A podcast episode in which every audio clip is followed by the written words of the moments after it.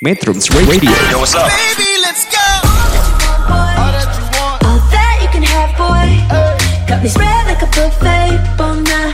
Now they always say congratulations. Come and strip that down for me. I'm on my way. Girl, come and strip that down for me. Yeah, yeah, yeah, yeah. Metrums Radio, media terintegrasi kaum muda. Selamat malam pendengar Radio Metrum di mana pun Anda berada saat ini. Bertemu kembali bersama kami di acara Arah Pandang pada Kamis petang tanggal 16 April 2020. Semoga senantiasa sehat dan tetap mematuhi himbauan pemerintah dalam situasi wabah saat ini. Eh, saya Desmond akan menemani eh, metronom selama satu jam ke depan dari pukul 18.30 hingga pukul 19.30 dan telah hadir bersama saya di sini seorang pemerhati isu gender dan feminisme dari International Women University, yaitu Setiawati Dian Awalina. Eh, Selamat malam, Mbak Dian. Selamat malam teman-teman metronom, semoga dalam keadaan sehat selalu ya kita semua. Nah, untuk di malam ini, Kamis 16 April 2020, saya diberikan kesempatan kembali di program Arah Pandang ini untuk memberikan materi dengan tema Terang di Timur karena kita dalam eh, tanggal 21 April nanti kita memperingati Hari Kartini yang diperingati eh, mengingat peran beliau yang begitu berpengaruh dan berins- menginspirasi perjuangan perempuan di Indonesia. Dan menurut saya sendiri perjuangan RA Kartini ini tidak hanya di tanggal 21 April, melainkan kapan pun dan kita harus memperjuangkan hak-hak perempuan dengan cara istimewa kita masing-masing. Menurut saya begitu, Pak. Maka diskusi petang ini mencoba membaca perjuangan RA Kartini di masa kolonialisme dengan menggunakan kacamata orientalisme. Terang di Timur ini terinspirasi dari buku yang sangat fenomenal sekali ya, yaitu Habis Gelap Terbitlah Terang karya dari R.A. Kartini sendiri. Nah, untuk Terang di Timur bermaksud menggambarkan adanya proses konstruksi dan dekonstruksi yang pernah terjadi dalam pandangan terhadap perempuan di Nusantara. Mungkin seperti sebelumnya saya pernah memberikan materi juga bahwa eh, ternyata perempuan itu sebetulnya bahkan cerdas ya, karena telah menemukan sumber ilmu pengetahuan. Nah, ini akan dibahas lebih lanjut lagi. Nah, apa yang telah dilakukan oleh R.A. Kartini merupakan sebuah gerakan pembaharuan, ya, gerakan yang sebenarnya seperti mencoba membawa kembali nilai-nilai Nusantara dalam pandangan perempuan. Sekian mungkin. Eh, baik, ya menarik sekali ini Mbak Dian. Eh, tapi apakah ada panduan khusus untuk memudahkan pendengar Radio Metro malam ini, terutama untuk memahami topik ini? Karena jujur saja sepertinya topik ini eh, agak mengernyitkan dahi ya eh, bagi para pendengar termasuk saya yang akan mendengarkan topik malam ini. Tapi memang saya akui eh, kita perlu melihat sisi lain dari pemikiran sosok seorang eh, R.A. Kartini. Ya, nah terkait dengan itu, maka di perbincangan kita malam ini, jadi kita akan membahas apa itu orientalisme dan bagaimana perempuan di Nusantara di masa prakolonialisme, bagaimana perempuan Nusantara di masa kolonialisme, apa buah pikiran R.A. Kartini yang mendekonstruksi pemikiran kolonialisme ya, dan apa relevansinya perjuangan R.A. Kartini ini pada peran perempuan di Indonesia masa kini. Kita akan bahas lebih dalam mungkin ya, jadi teman-teman metronom wajib sekali dengarkan apalagi perempuan, karena kita akan lebih dalam lagi membahas ini. Baik, terima kasih Mbak Dian. Eh, demikian pendengar Radio Metro, pengantar dari narasumber kita Mbak Dian pada petang ini tentang topik perbincangan kita malam ini. Eh, jadi Mbak Dian ini kurang lebih akan melihat pemikiran eh, R.A. Kartini melalui kacamata studi orientalisme. Eh, saya akui ini menarik sekali, dan saya rasa memang belum banyak yang melakukan ini, karena pada umumnya pemikiran R.A. Kartini belum terlalu dikupas oleh banyak kalangan, meskipun sudah ada saya akui. Tapi memang umumnya perjuangan beliau ini eh, kerap diperingati dengan kegiatan-kegiatan yang harus kita akui tidak terkait langsung dengan pemikiran beliau saat itu. Oh ya, jangan lupa kami kembali ingatkan kepada pendengar Radio Metro bahwa radio, ini dapat didengarkan melalui eh, mengunduh aplikasi Android Metro Radio di Play Store Metronom. Eh, satu aplikasi menjelajah berbagai platform Bagi pengguna perangkat Apple dapat menyimak program arah pandang melalui App Store Online Radio Box, Radiosnet, atau Radio.net. Atau bisa juga metronom menyimak talk show, ideologi, dan politik internasional ini melalui metrum.co.id atau melalui Radio Garden atau melalui aplikasi radio lainnya. Silakan di search saja Metrum Radio. Demikian eh, kita akan bertemu kembali eh, pada eh, sesi kedua. Metrums Radio, media terintegrasi kaum muda.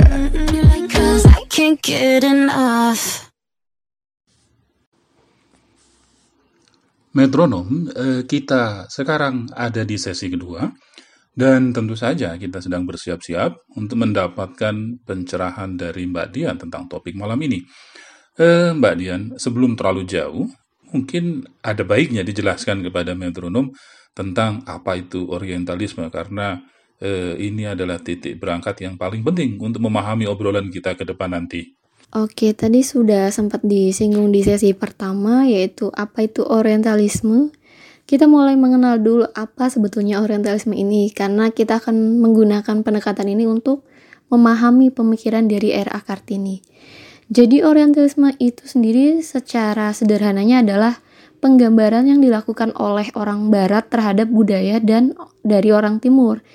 Nah, sementara itu juga disebut sebagai studi orientalisme. Studi orientalisme sendiri berarti kurang lebih bagaimana penggambaran tersebut dilihat dan diteliti lebih jauh. Dalam hal ini yang dimaksud adalah penggambaran orang timur oleh orang barat.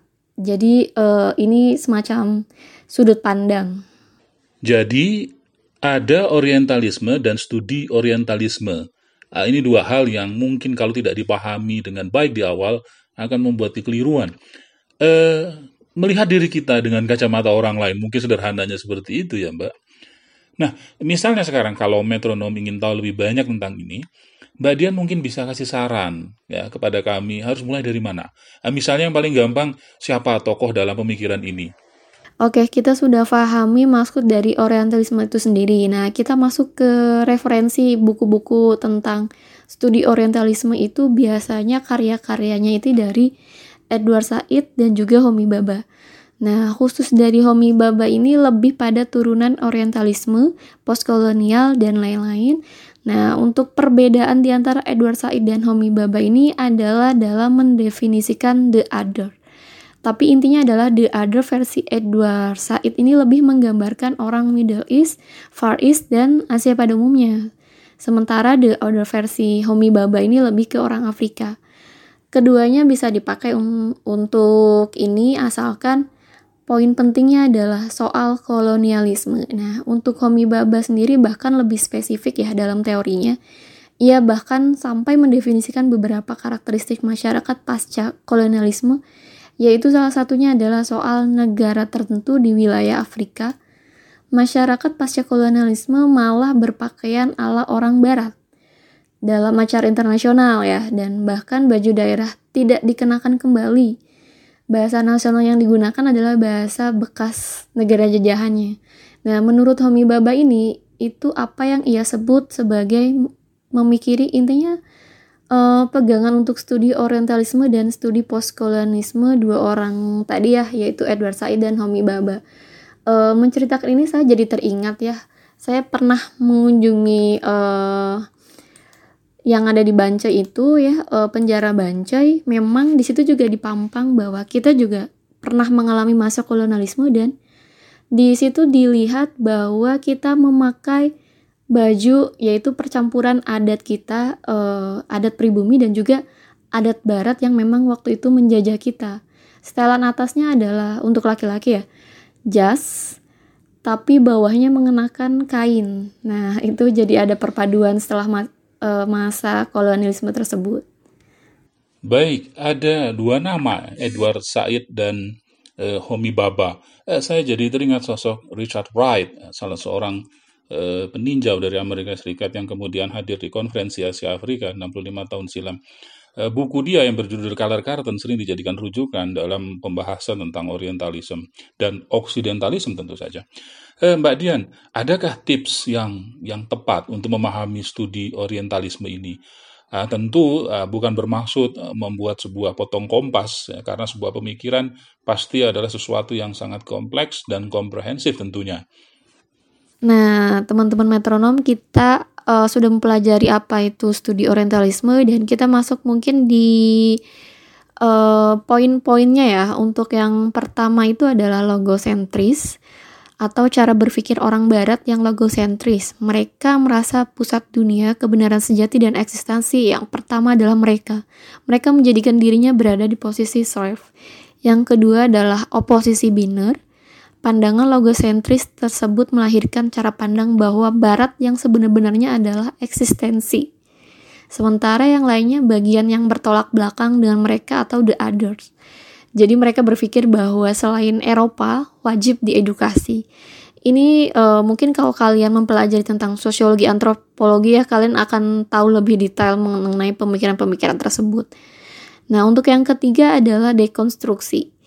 Dekonstruksi definisi atau cara pandang orang Eropa tersebut misalnya orang Eropa memandang kegiatan spiritual orang tanah jajahan sebelum ada agama adalah animisme, dinamisme tapi ternyata berdasarkan filosofi Sunda misalnya pandangan dekonstruksi Eropa tadi tidaklah tepat. Nah, ada semacam tarik-menarik sudut pandang antara cara pandang timur dan juga filsafat non-aristotelianisme dan filsafat barat yang dikental sangat sangat kental sekali ya eh, dengan filsafat aristotelianisme. Ketiga hal ini yang diopera, dioperasionalisasi dalam sesi ketiga nanti dan sesi keempat jadi uh, terus dengerin kita karena kita akan bahas lebih lanjut. Baik, eh, pendengar Radio Metrum, demikian sesi kedua tentang apa itu orientalisme dan studi orientalisme. Jangan ke mana-mana, setelah yang satu ini kita akan kembali ke sesi ketiga. Metrums Radio. Media terintegrasi kaum muda.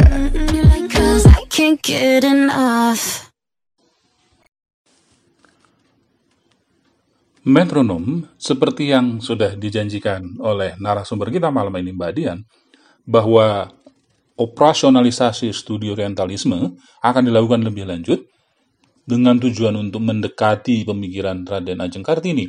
Nah, eh, Mbak Dian, kita mulai dari mana nih Mbak Dian untuk eh, mem, apa, mem, mendekati pemikiran eh, era Kartini dengan meng, mengoperasionalisasi studi orientalisme?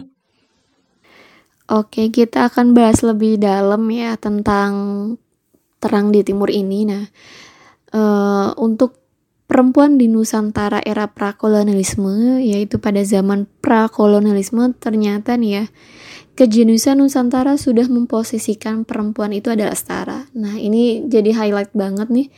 Nah, lapisan masyarakat Nusantara prakolonial, terutama dalam relasi perempuan dan laki-laki, aslinya tidak hierarki, melainkan lebih sejajar. Ada banyak catatan sejarah yang perkuat pernyataan ini. Misalnya, kisah Inong Bala Laksamana Malahayati di Aceh, Ratu Sima di Kerajaan Kalingga, prajurit perempuan Estri di Kesultanan Mataram, dan istilah Kancah Wingking. Kancah Wingking ini uh, istri sebagai sahabat sehidup semati.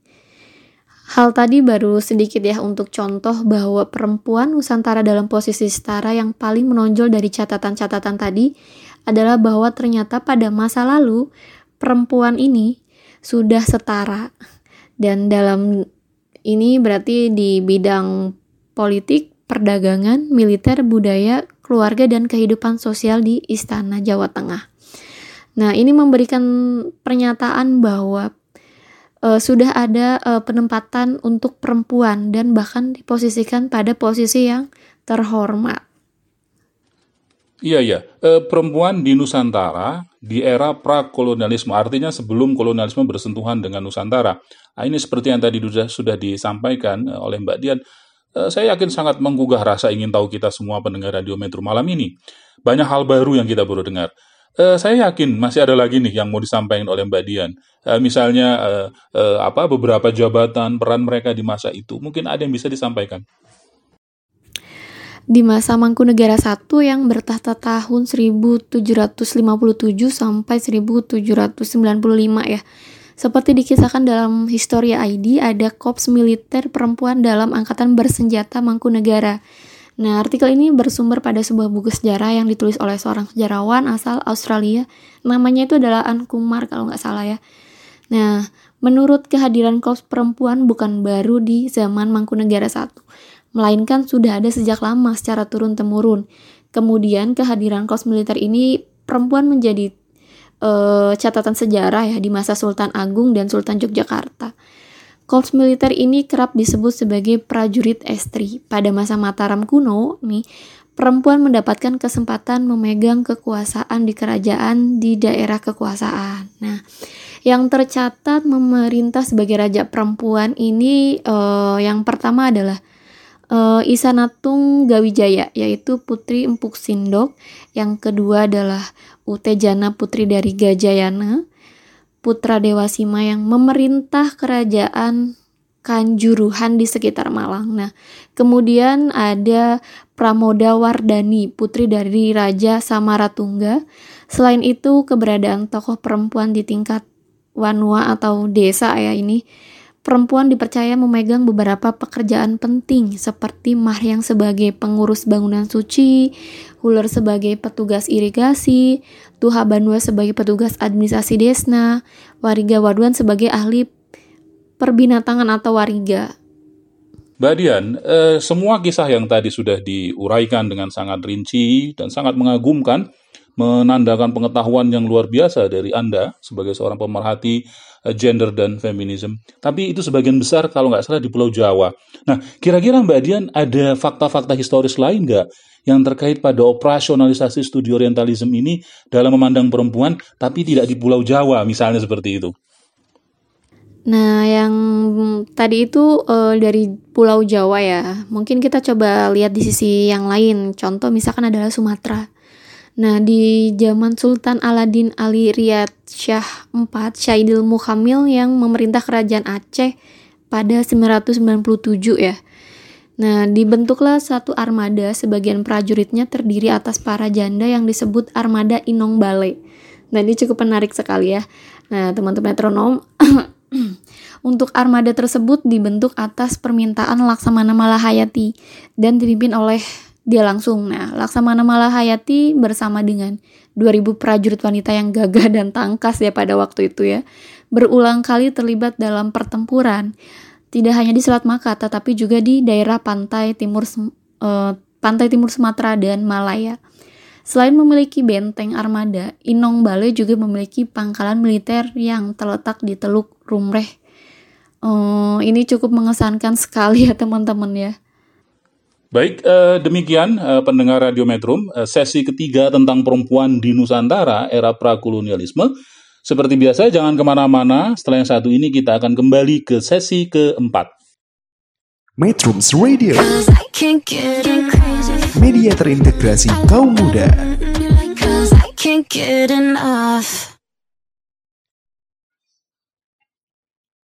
Metronom, kita telah tiba di sesi keempat atau sesi terakhir. Dan dari tadi kita telah mendengar banyak hal dari paparan Mbak Dian tentang orientalisme dan studi orientalisme.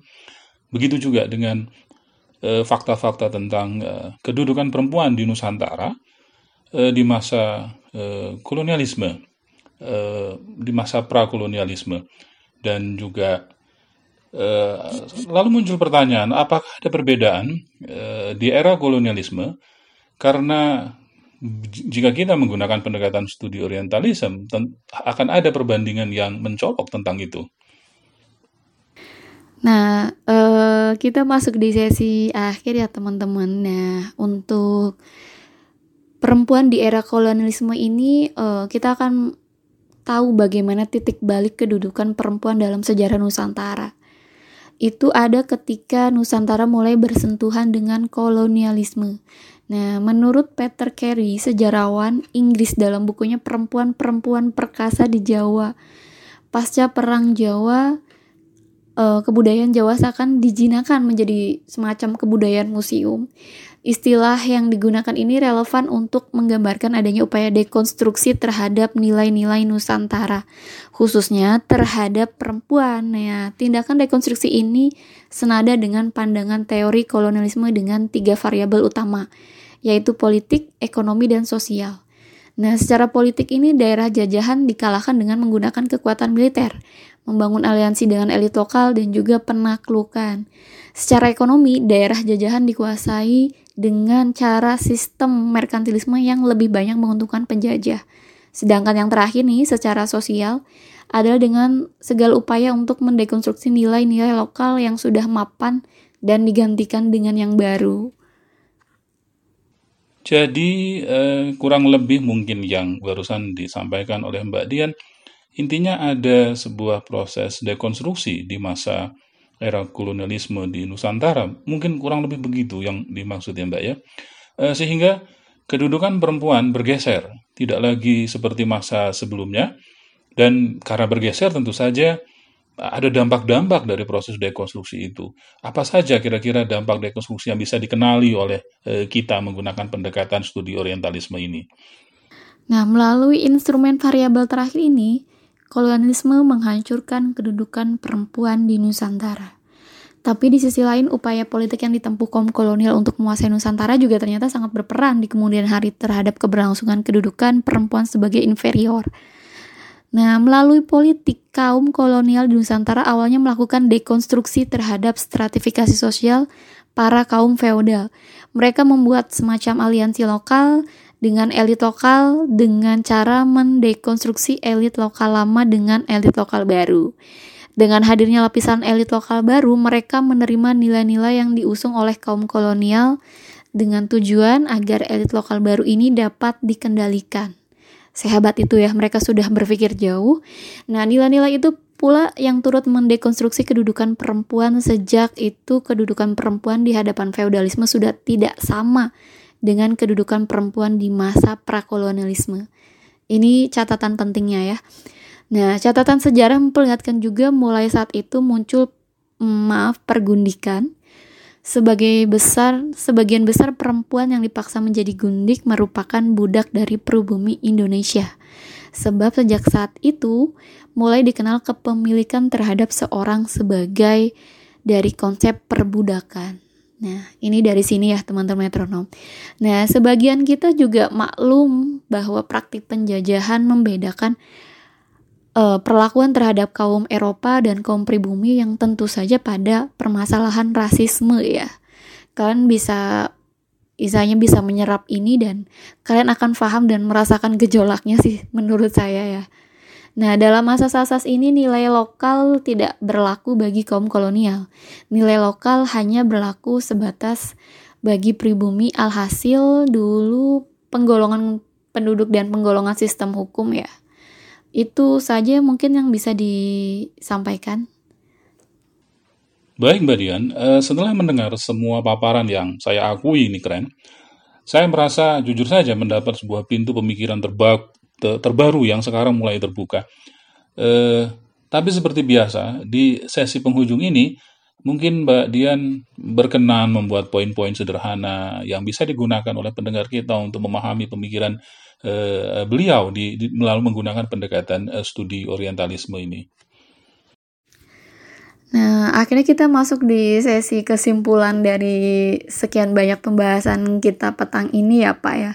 Nah, pemikiran R.A. Kartini itu dulu lahir di tengah suasana seperti itu. Nah, R.A. Kartini mendekonstruksi semua penggambaran barat tadi melalui pendidikan. Karena seperti yang kita tahu nih, bahwa pendidikan adalah senjata paling ampuh untuk melawan konstruksi berpikir yang sedemikian lama ditanamkan pada alam pemikiran kita. Ini konstruksi pemikiran ini memang ini ampuh dan akan bertahan lama nih teman-teman metronom. Terutama tentang kedudukan perempuan ya Nah, uh, ini saya jadi teringat juga uh, untuk salah satu buku Kartini. Di situ juga menjelaskan bahwa Kartini itu banyak membaca saat dalam pingitan. Dia membaca berbagai macam buku ya, yang akhirnya dan bisa mengambil sari dalam buku tersebut. Nah, saking banyaknya buku tersebut, uh, Kartini ini, beliau ini jadi bisa membedakan mana buku yang baik untuk dia, mana buku yang istilahnya tidak sesuai dengan jalan pikirnya dan akhirnya uh, beliau mulai menyingkirkan buku-buku yang memang tidak sesuai dengan jalan berpikiran beliau dan jadi dalam catatan ini adalah kita uh, semakin banyak membaca kita akan semakin kaya dan semakin paham. Nah, padahal di sisi lain juga paham bahwa RA Kartini sendiri juga berhadapan dengan struktur feodalisme yang mengkungkung dirinya pada kala itu ya. Dan struktur itu tak lepas dari buah rekayasa terstruktur yang dilakukan kaum kolonial barat terhadap masyarakat Nusantara sejak awal.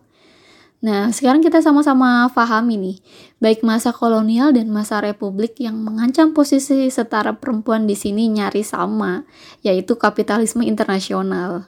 Kita masuk di uh, ujung perbincangan malam ini dan kita akhirnya mendapatkan sari-sari dari pembahasan kita ya.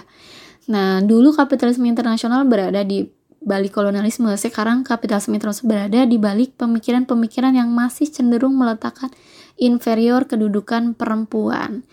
Bedanya dulu kapitalisme internasional memperalat feodalisme untuk membatasi perempuan, sedangkan hari ini diperalat oleh kapitalisme internasional untuk membatasi perempuan adalah kekuatan struktur lainnya. Nah, eh, itu adalah penggambaran kita ya tentang terang di timur.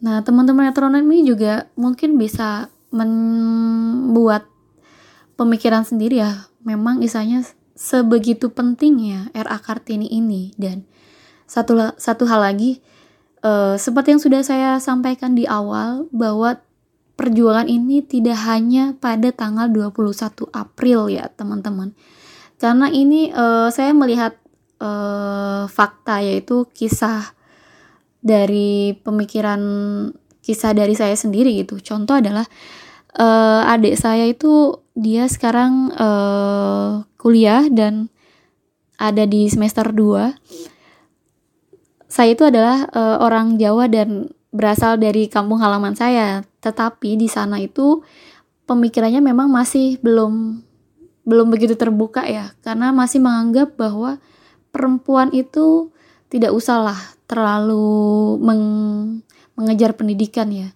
adik saya itu bisa dibilang uh, di dikucilkan ya karena buat apa perempuan kuliah buat apa perempuan uh, melakukan sebuah pendidikan yang ujung-ujungnya pada akhirnya katanya itu akan berakhir di dapur. Nah, ini menjadi catatan kita bersama bahwa kita harus terus memperjuangkan, meneruskan perjuangan dari RA Kartini ini untuk konstruksi sosial ini dan konstruksi pemikiran masyarakat kita tentang hak-hak perempuan. Nah, itu saja mungkin Pak uh, di obrolan petang kita malam ini.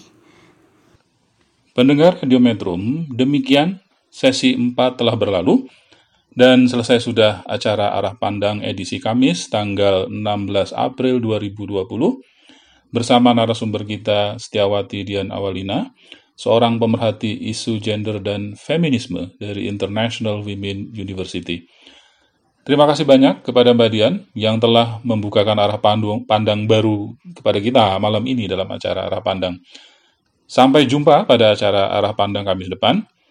Semoga bermanfaat. Stay safe, stay home, dan stay healthy. Metrums Radio. Yo, what's up? Baby, Got me spread like a buffet. Bon now, Now they always say congratulations. Come and strip that down for me. I'm on my way. Girl, come and strip that down for me. Yeah, yeah, yeah, yeah. Metrums Radio, media terintegrasi kaum muda.